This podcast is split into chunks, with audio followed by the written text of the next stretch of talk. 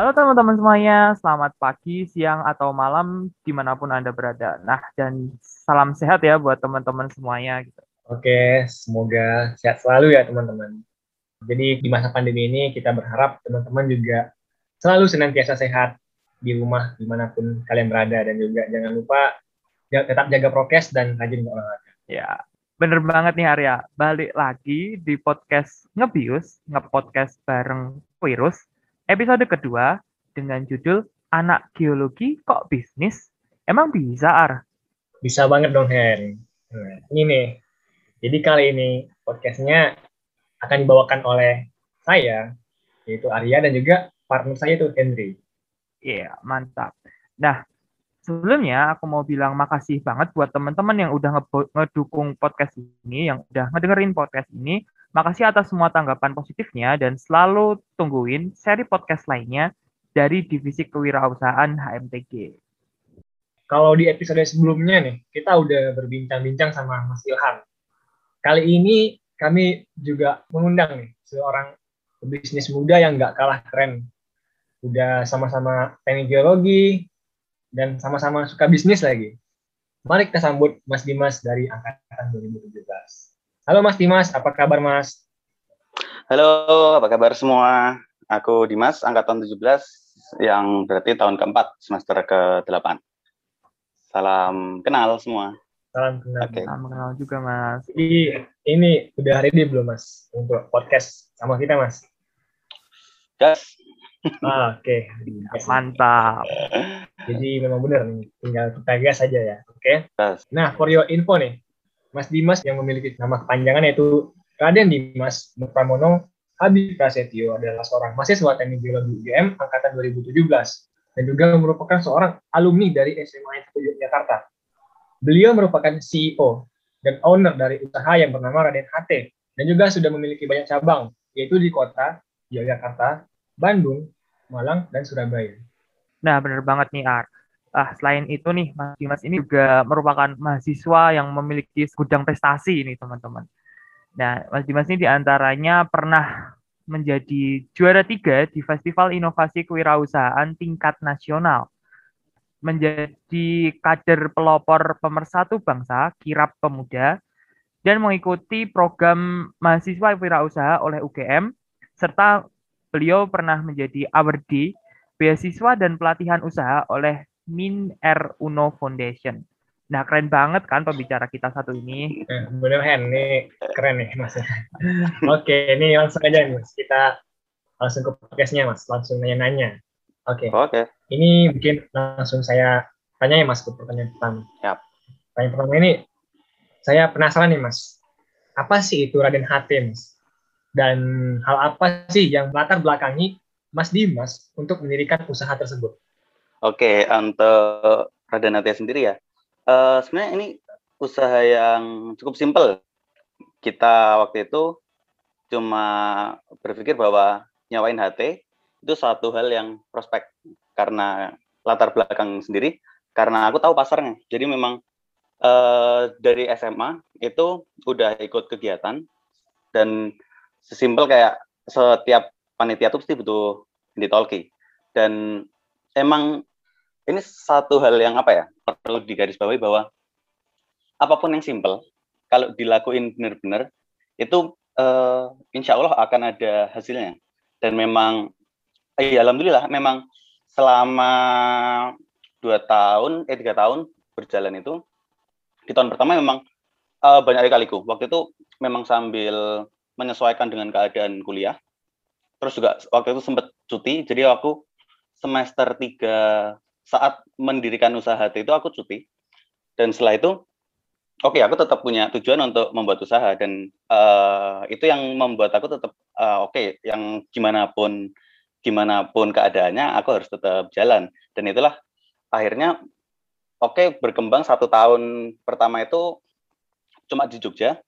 Alhamdulillah dari modal nggak punya HT ke 20 HT setelah itu ke 80 HT dan di tahun kedua langsung buat cabang di Malang terus upgrade lagi ke Bandung tambah Surabaya dan uh, kurang lebih itu 220 HT di tahun kedua jalan satu setengah tahun itu udah 200 HT terus udahlah sampai sampai sekarang pandemi Enggak, itu itu itu apa ya? Uh, sikon yang kalau di usaha ya memang apa ya ibaratnya kita nggak bisa selalu apa ya ibaratnya keadaan dunia itu pasti berubah. Dan itu memang memang benar-benar kita harus adapt. Dan itu salah satu yang kenapa aku usaha itu untuk sebenarnya mengembangkan uh, potensi dari di hidup sendiri. Jadi aku pengen belajar lebih dari sekedar kuliah dan akhirnya di bisnis itu memang benar-benar benar-benar dapat realita kehidupan harus seperti apa, adapt, harus benar-benar bergerak, mau kalau misalnya ada pandemi harus bagaimana, dan ibaratnya keadaan-keadaan keadaan yang misalnya di luar expect kita itu harus bisa di apa ya, di manage intinya seperti itu. Mungkin kurang lebih itu sih, biar nggak kepanjangan. Oh, oke okay. okay, mas. Jadi itu berawal ya dari akan adanya permintaan mas, yeah. dari setiap acara-acara di Jogja akan kebutuhan walkie-talkie atau yeah. HT pada saat acara Halo. dan juga berdasarkan pengalaman tersebut eh, dengan awalnya bermula 10 HT hingga menjadi 220 HT jadi itu bisa menjadi pelajaran ya mas bagi kita sendiri bahwa dengan mendalamin bidang usaha dapat memberikan kita pelajaran kehidupan ya mas bagaimana lika-liku perjuangan itu benar benar Oke mas um, jadi tadi udah diceritain kan ya teman-teman apa sih Raden HT dan gimana latar belakangnya. Nah, aku pengen ngulik gitu ya mas.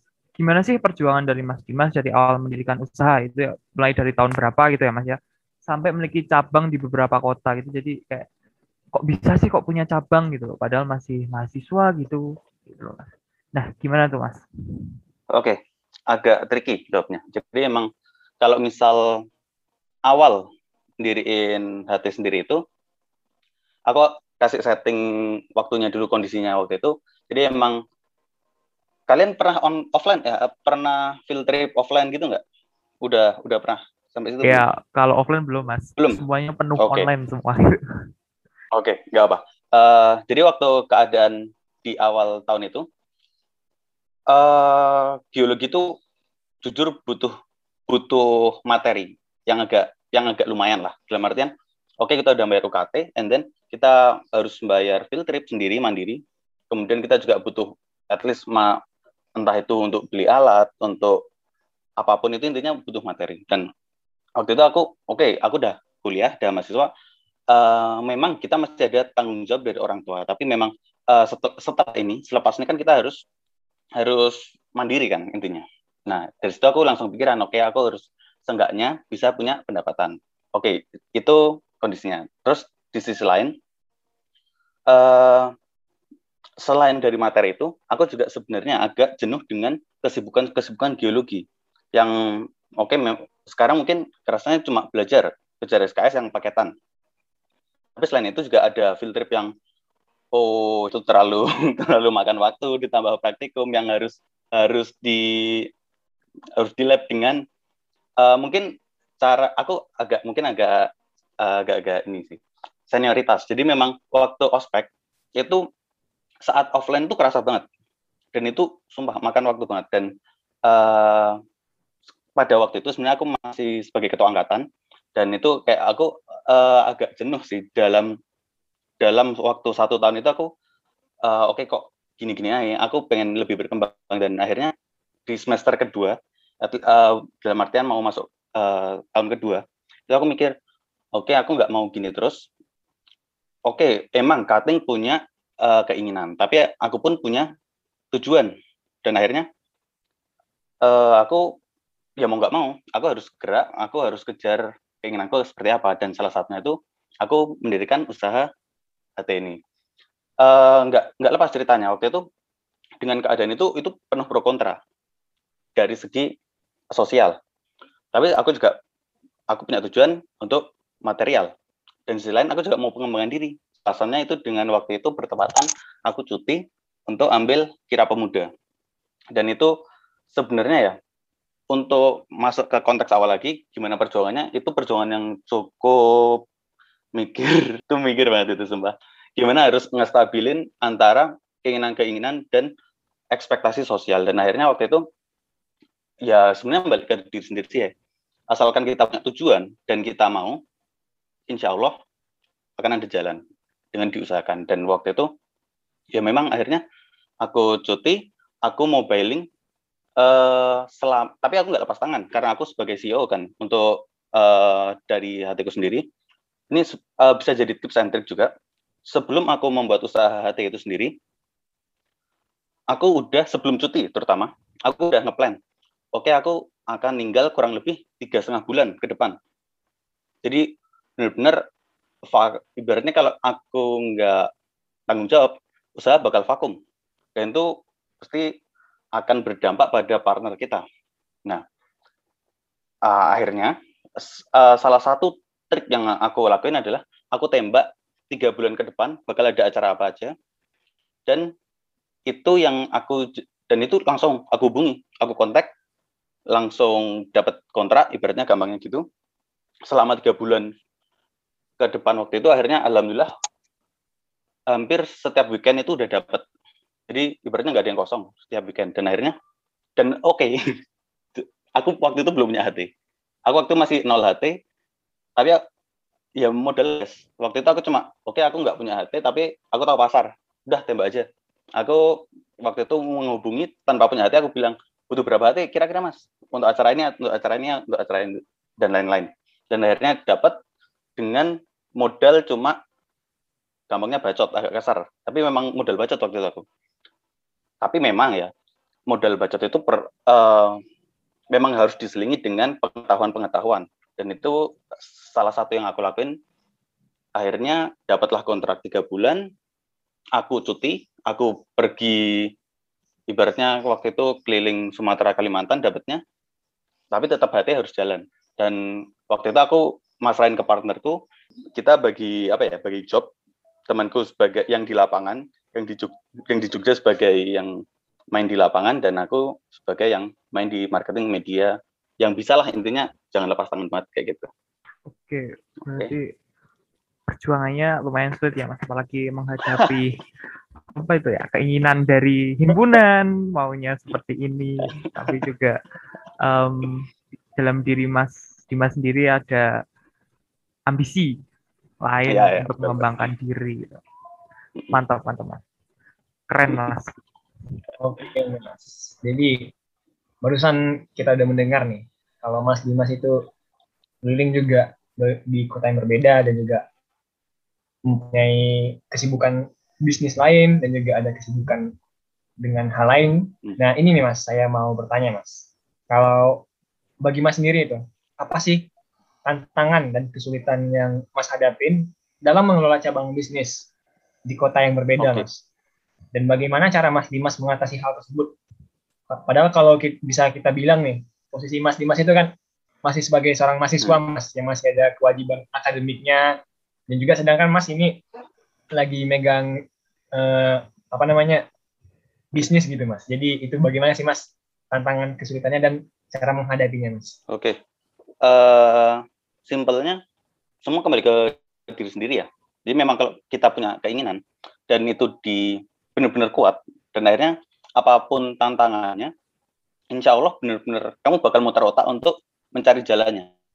Itu yang aku alami, yang aku alami. Jadi mungkin tiap orang berbeda, tapi yang kenyataan yang aku lakuin saat aku punya tujuan, gimana pun tantangannya, seperti yang tadi sikon-sikon yang udah tak jelasin tuh, tetap akhirnya tetap bisa kok. Dan akhirnya uh, memang ya uh, cara Tuhan itu emang beda-beda dan saat kita positif, insya Allah bakal dikasih sesuai kesiapan kita. Intinya gitu itu. Terus mungkin sekarang agak ke teknis sesuai konteks tadi yang ditanyain gimana cara uh, megang bisnis apalagi di branch di, di, di apa anak cabang. Tentu itu main skill main manajemen banget. Itu benar-benar uh, saat kita di bisnis itu uh, sebenarnya banyak ya. Selain kita harus tahu pasar, kita harus bisa mengelola gimana apa yang dari konsumen minta dari eksternal ibaratnya. Tapi pun internal itu harus sangat dipegang, terutama dari manajemennya. Kita bisa megang orang lain saat kita bisa share dengan keadaan kita sendiri, kita bisa memanage diri kita sendiri. Jadi memang mungkin step yang paling penting itu sebenarnya kita tahu diri kita sendiri. Kita tahu gimana cara manage kita sendiri, kapan kita bisa produktif, kapan kita memang butuh rehat. Jadi memang rehat itu penting ya. Yang yang penting tahu proporsinya. Dan pada saat itu ya udah, aku tahu untuk kenapa aku membuat di cabang itu di tahun kedua karena aku harus make sure di tahun pertama itu dengan keadaan yang sedemikian rupa aku bisa tetap membuat keadaan hati yang Jogja itu berjalan. Karena itu berhasil, akhirnya aku coba nih oke okay, pasar uh, sebenarnya nggak cuma di Jogja jadi memang salah satu open mindset yang harus dimiliki pengusaha itu kita nggak boleh merasa cukup terus. Jadi memang kita harus explore explore explore. Dan akhirnya aku waktu itu ada teman juga yang ibaratnya uh, bukan butuh uang tapi memang uh, pengen. Ada yang pengen ada yang karena butuh uang ada yang macam-macam. Di anak cabang itu akhirnya oke okay, aku kasih aja kesempatan dengan cara yang sama. Ibaratnya aku nggak kasih AT, tapi kamu harus jalan dulu, harus dapat uh, uh, harus dapat konsumen. Dan akhirnya itu salah satu cara untuk aku dapat oke okay, nggak nggak si temanku ini, atau partnerku ini di cabang lain tuh punya apa ya keinginan yang kuat atau enggak. Dan akhirnya saat aku selalu uh, salah satu karakter dan yang aku cara pandang itu adalah saat orang ingin dari diri sendiri itu akan lebih mudah bergerak daripada tekanan dari atas. Dan aku itu yang yaitu yang aku terapin di anak cabang. Kalau misalnya keinginan dari anak cabangku yang megang itu memang punya keinginan pasti akan jalan. Dan akhirnya memang dengan cara-cara yang bisa diterapin sesuai uh, pasti kalian punya cara sendiri itu nanti bakal tahu oke okay, kalau udah bisa jalan setelah itu tinggal managing aja misalnya dengan cara membuat apa ya uh, ketentuan, membuat gampangnya tata cara, step-step dalam menghadapi konsumen, dalam merawat uh, simpelnya HT yang karena usahaku itu dan akhirnya itu bisa sih jalan. Ya, ya itu sih yang bisa tak ceritain mungkin kayak gitu. Oke mas, jadi ini kalau sebagai mahasiswa itu kita harus bisa ya mas menentukan pilihan tergantung dari diri kita sendiri mau bagaimana ke depannya. Iya. Dan juga untuk mengatasi berbagai kesulitan tersebut, kita harus bisa ya Mas, manajemen diri, terutama manajemen waktu. Betul, waktu betul. dari mana dari mulai kita belajar, istirahat dan juga untuk di bisnis, hmm. kita harus bisa memanajemen bagian internal dan eksternal agar bisnis tersebut terus berekspansi dan juga mendapatkan profit, Mas. Betul. Ya. Oke, Mas. kayak gitu. Oke. Aku kepo nih, Mas. Uh, mas KDHT itu mulai dibuka tahun berapa? Tahun 2018. 2018 ya, ya. Terus hmm. Mas Dimas cutinya itu kapan, Mas? 2018 juga. 2018 juga. Berarti barengan gitu kan, Mas. Tapi kan tahun iya. tahun-tahun pas waktu tahun pertama kedua kan udah pernah kayak kepikiran udah kayak membuka bibit-bibitnya gitu kan, Mas ya. Oh iya iya betul.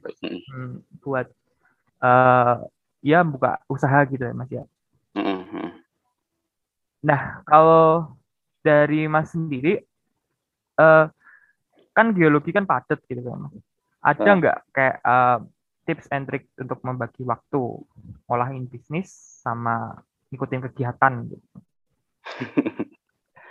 Mungkin uh, pertanyaan itu sebenarnya terjawab dari beberapa yang udah tadi tak sampaikan. Jadi sebenarnya gimana pun kondisinya asal kita sebenarnya kembali ke diri kita sendiri sih. Kalau kamu punya keinginan uh, kalau aku sendiri ya saat aku punya keinginan dan punya reasons kenapa aku harus berbuat apa apa kenapa sih intinya kenapa aku harus ngelakuin ini kenapa nggak itu kenapa nggak yang lain akhirnya kita tahu prioritas-prioritas mana yang perlu dikerjakan. Kemudian dari situ sendiri akhirnya kalau memang itu kalau aku sih merasa itu benefit ya dikejar dan akhirnya memang bisa kok intinya gitu. Bisa kok dengan keadaan oke okay, mungkin waktu itu aku offline dengan keadaan yang seperti itu. Mungkin kalian yang online dengan keadaan yang seperti ini dan itu pun sebenarnya tetap bisa kok untuk tetap berkembang. Yang penting yang kalau prinsipku sendiri jangan sampai nggak bergerak. Orang mati bukan karena raganya doang tapi yang lebih buruk saat orang mati saat hidup tapi karena nggak berpikir intinya itu. Kalau kamu udah nggak berpikir tuh ya ya ngapain hidup kayak gitu? Teruslah berpikir berkembang insya Allah ada hasil sih gitu.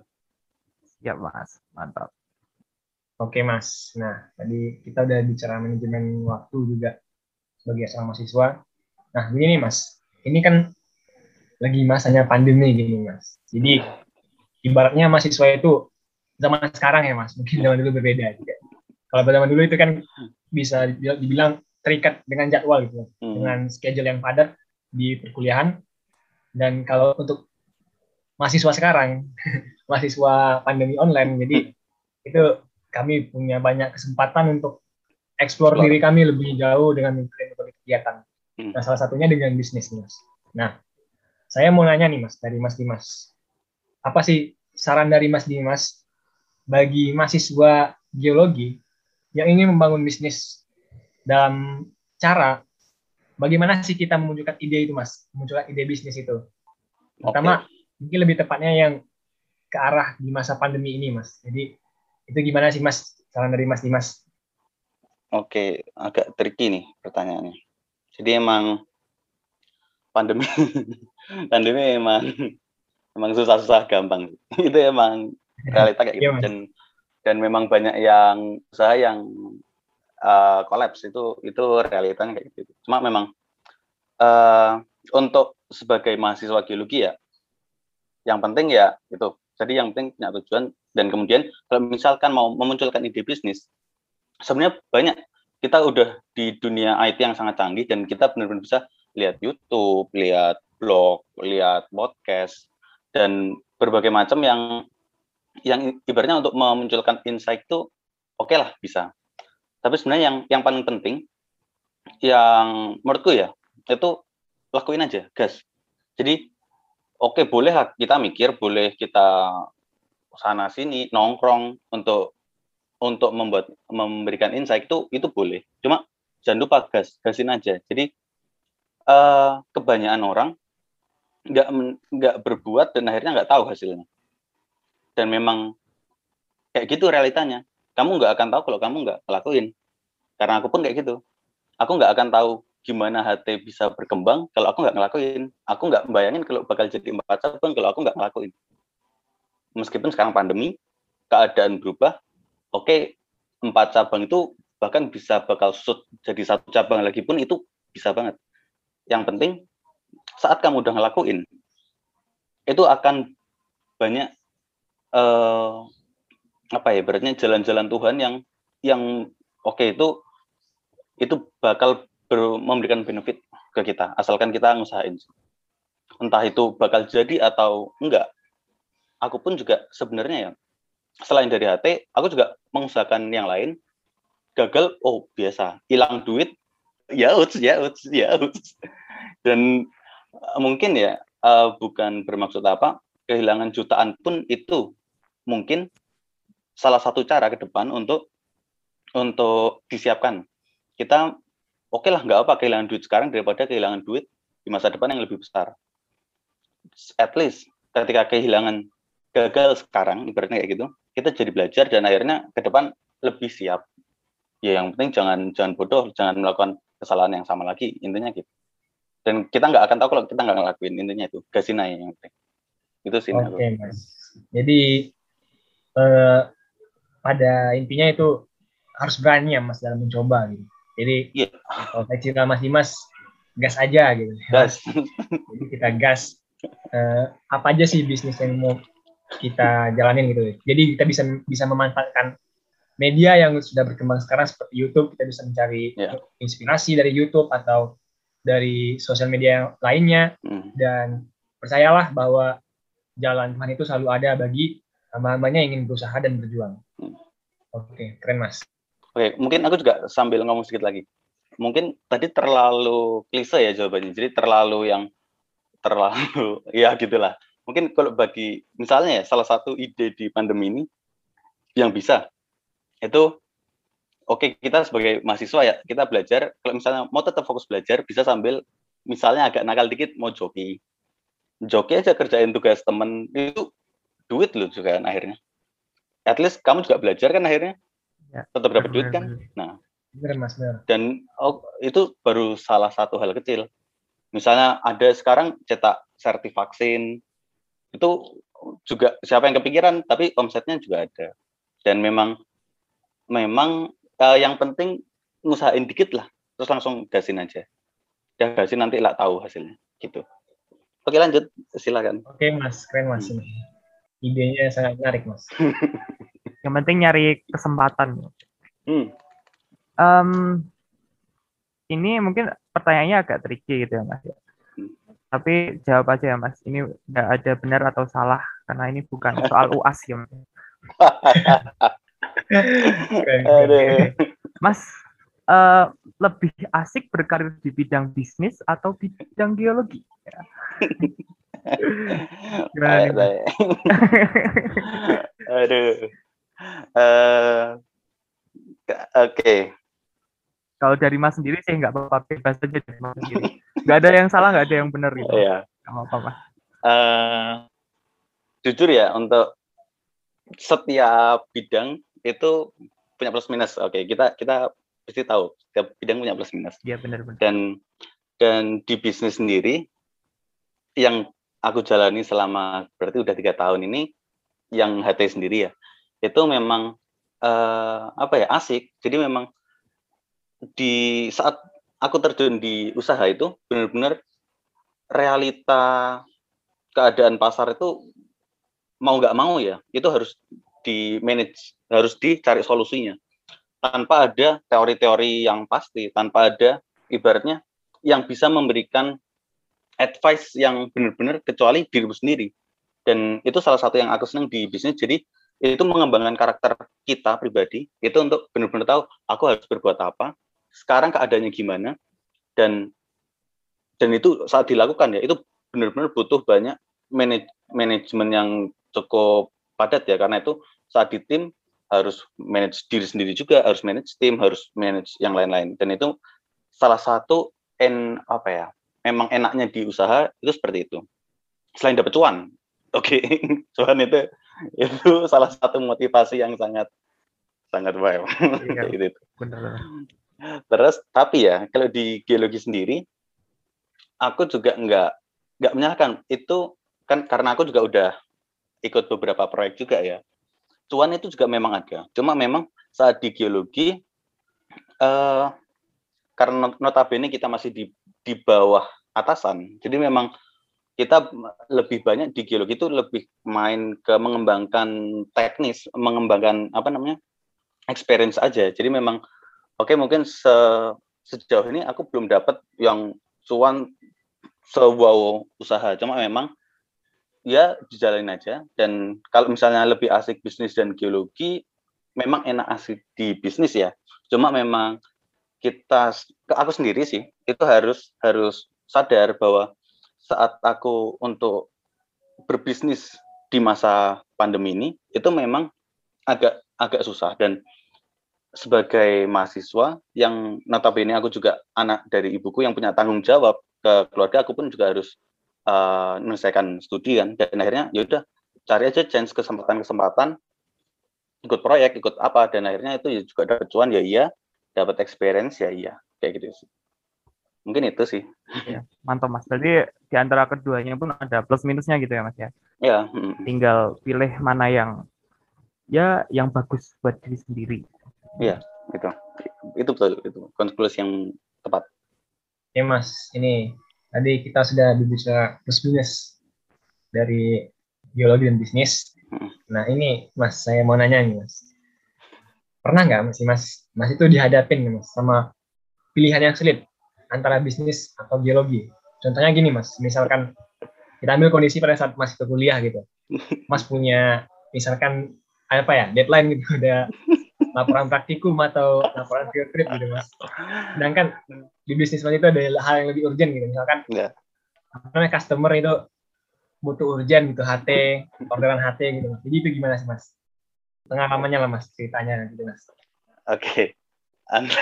Intinya pilihan sulit ya. Iya. Aku pernah di kondisi saat ini sebenarnya bukan yang bisnis tapi saat harus menggadaikan kuliahku di semester 3 untuk cuti. Itu salah satu kondisi yang padahal nggak boleh loh semester di semester, di bawah semester 4 itu cuti itu nggak boleh dan itu aku bisa dapat SP sebenarnya cuma akhirnya oke okay, pasti ada jalan kemudian mendekati deadline ada orderan oh itu itu sering banget. Saat saat ibaratnya kalau dulu ya itu kan ada ibaratnya apa namanya praktikum yang laporan laporan laporan. Dan sebelum praktikum juga harus at least harus belajar. Karena waktu itu kalau nggak ada praktikum yang kalau nggak nggak bisa ibaratnya KKM itu disuruh keluar. Itu ada. Dan intinya kan tetap harus belajar lah seenggaknya. Tapi juga ada yang uh, ibaratnya order yang kalau sampai puluhan ibaratnya waktu itu pernah sampai 70 HT itu harus disiapin. Terus ya siapa yang nggak mau dapat duit. Iya benar-benar 70 kali 10 ribu juga udah dapat lumayan banget. Dan akhirnya ya bisa lah triki-triki dikit di hidup intinya gitu. Kalau misal ini ini uh, mungkin agak tips di geologi aja sih. Uh, laporan kakak tingkat praktikum itu kurang sama. Jadi seenggaknya ya punya lah masterannya. Itu itu udah sangat membantu. Terus uh, lagi kalau misalnya lagi pretest yang ibaratnya kalau nggak KKM keluar ya jawil temen lah atau apalah bisa lah kayak gitu. Intinya hidup kan kita kalau aku sih ya pandanganku sendiri semakin ke depan tuh uh, oke okay, memang ada aturan. Cuma bisa lah untuk hidup gitu lah intinya jangan jangan jangan membatasi pikiran sendiri jangan terlalu terpaku sama aturan-aturan yang itu malah membuat pemikiran kita tertutup kayak gitu itu nah, aku ya udah gasin aja kalau misalnya memang caranya harus seperti itu, ya nanti pasti Tuhan akan ngasih ngasih sesuai apa yang kita usahakan. Intinya kayak gitu. Yeah. Oke, bukan dari atasan, bukan dari KT, bukan dari senior atau apa pun, insya Allah dari Tuhan pasti ngasih jalan kayak gitu. Nah aku ya. kayak gitu. Oke mas, jadi uh, kalau dari kondisi Mas Dimas ini kita bisa melihat kalau Mas Dimas itu jadi sebagai mahasiswa itu kita harus pandai lah, setidaknya yeah. mengakali gitu pandai mengakali situasi dan kondisi. Jadi kita bisa menimbang dengan cara tidak merugikan satu satu sama lain gitu. Bukan satu satu pihak ini dan juga pihak itu. Jadi kita harus pandai mengakali kondisi. Dunia nggak cuma hitam putih gitu ya mas ya. Oh, ya benar. itu benar. Dan gaping nggak cuma iya dan salah, nggak punya benar oh, salah. Bener. Iya dan tidak itu enggak. Ya, ya. Banyak yang di tengahnya. Hmm. Ayo mas, ngomongin pengalaman juga nih. Kalau dari ya. pengalaman yang menyenangkan dari bisnis sama ya menjadi bisnis dan mahasiswa gitu, hmm. ada nggak mas? Kalau pengalaman yang menarik ya, syukur. Uh... Selain dapat cuan gitu, dapat cuan kan menarik banget. Dapat cuan boleh. Iyalah, bisa beli motor, bisa buat beli apa-apa. Intinya yang kalau yang menarik ya dari usaha sama dan se sebagai mahasiswa terutama geologi itu aku merasa bersyukur sih udah empat tahun ini menjalani kesibukan-kesibukan yang nggak monoton itu aku benar-benar bersyukur atas semua yang diberikan Tuhan. Meskipun ya kita harus mengusahakan. Itu, itu, itu kunci sebenarnya. Yang penting kalau kita nggak berusaha kita nggak akan berubah. Nah itu benar-benar syukur selain cuan adalah pola ya pemikiran yang berkembang. Itu benar-benar aku rasain dan itu aku bersyukur banget. Karena nggak setiap individu akan punya apa ya punya kesempatan yang sama dan sebenarnya ya tiap-tiap dari kita kan punya kesempatan-kesempatan yang yang berbeda. Dan itu uh, intinya adalah dari kesempatan kalian kita sendiri itu yang bisa dicari celahnya dan bisa membuat kita berkembang. Dan aku sendiri sangat bersyukur bisa memanfaatkan kesempatan-kesempatan walaupun agak krusial ya. Seperti harus cuti harus harus yang benar-benar notabene agak agak aneh dari dari yang seharusnya. Cuma asalkan positif itu juga positif sih akhirnya kayak gitu. Itu sih. Oke siap mas. Um, berarti secara umum ini mas mas gak menyesal kan ya mas? Saya ambil cuti ambil anu itu nggak menyesal sama sekali kan mas? Ya kan dapat pengalaman juga gitu ya mas ya? Iya iya. Itu itu nggak nggak ada yang harus disesali kan iya namanya perjalanan hidup ya mas ya? Iya. Waduh. Oke oke mas. Um, ini berhubung pertanyaan udah udah semuanya ya ditanyakan gitu ya mas. Mungkin dari Mas Dimas sendiri ada nggak closing statement uh, buat teman-teman anak geologi dan mahasiswa pada umumnya gitu ya mas.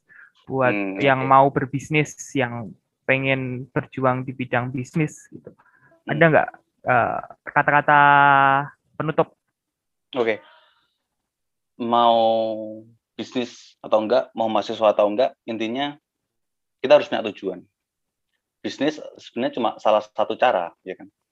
Entah itu untuk mendapatkan itu intinya banyak cara. Dan yang penting kita itu selalu punya tujuan, tahu apa yang mau dikerjain, setelah itu lakuin, ya udah gasin aja.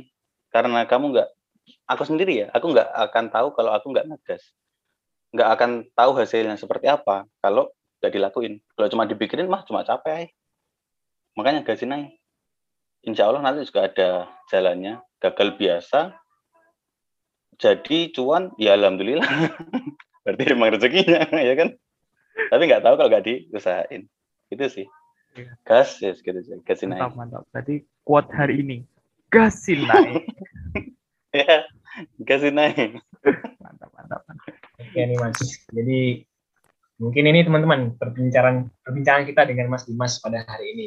Jadi kesimpulannya yaitu bahwa bisnis itu bisa menjadi pilihan bagi mahasiswa baik itu dapat dari segi menambah profit atau menambah cuan atau juga bisa menambah pengalaman dan juga sebagai mahasiswa kita harus bisa menentukan apa sih kesempatan-kesempatan yang ada di sekitar kita dengan cara melihat permintaan dari publik atau masyarakat akan kebutuhan sehari-hari dan juga kita harus bisa, harus berani mencoba sesuatu, mencoba bisnis baru, dan percayalah kepada Tuhan Maha Esa bahwa jalan itu akan selalu ada bagi mahasiswa, bagi orang-orang yang ingin berusaha dan berjuang.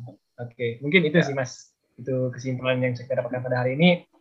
Oke, mantep banget. Nah, berhubung ini udah setengah jam lebih ya Mas ya. Ya, udah okay. lama ini tuh, aja. Udah ngomongin ngalor ngidul apalah apa itu tentang bisnis, apa menyenangkannya, apa susahnya, gitu. Uh, aku mau bilang terima kasih banyak buat Mas Dimas. Terima kasih atas ilmunya, uh, ilmu dan pengalaman dari Mas Dimas. Hmm. Buat teman-teman yang kepo sama apa sih Raden HT itu, mungkin boleh uh, lihat Instagramnya. Apa Mas Instagramnya dari Raden HT? Kalau Raden HT ada Raden HT Jogja, Raden HT Bandung, Raden HT Malang, sama Raden HT Surabaya. Oh itu oke. Okay. Gitu. Jadi ada empat itu mungkin kalau yang mau pengen tahu lebih banyak tentang Raden HT mungkin bisa uh, ya tanya-tanya di situ atau kepoin lah Instagramnya itu. Mungkin juga Mas Dimas mau promote Instagramnya sendiri gitu. Apa Mas? ya, boleh kalau boleh, misalnya mas. mau lihat IG ya, IG, nggak salah Dimas Nur Pramono ya nggak salah aku lupa. Pokoknya itulah. Namanya kayaknya juga cuma itu itu aja. Tapi kalau misalnya mau ngontak uh, mungkin by DM dulu bisa. Tapi aku lebih seneng via WA atau langsung sih. Jadi memang uh, enak saat benar-benar bisa kontak langsung tuh esensinya berbeda. Dan ya siapa tahu ada yang mau slow-slow aja sih. Mumpung mumpung soalnya memang koneksi itu penting sih. Kayak iya, gitu. Memang benar kalau di bidang di bidang apa pun ya Mas ya koneksi penting. Iya, iya. Koneksi penting. Jadi sans aja slow kayak gitu. Ya mungkin kalau mau me menjelaskan nomornya. oh apa enggak enggak oh. enggak usah ya kalau enggak ya mau gue mau DM aja dulu DM dulu oke siap oke ini karena sudah setengah jam dan sudah berakhir pula episode kedua kita dengan judul anak geologi kok bisnis. Berarti jawabannya apa mas? Bisa atau enggak? Gas. Gas. Jawabannya tahu kalau enggak gas dilakuin. Gas bisa. Mas tadi bisa kalau mau dilakukan. Gas. Mantap. Yeah. Oke, okay, Mas. Setelah berbincang-bincang tadi, sebelum kita tutup, jadi kami ini pengen ngucapin terima kasih nih Mas buat Mas Dimas yang udah mau meluangkan waktunya di tengah-tengah kesibukan untuk mengikuti kami untuk rekaman podcast Ngebius ini, ngobrol bareng kewirus episode kedua ini Mas. Jadi buat teman-teman eh, jangan lupa nih untuk follow dan dengerin podcast kita. Jadi saya Arya dan juga Henry pamit undur diri. See you in next episode. Sampai jumpa dan selalu jaga kesehatan. Goodbye.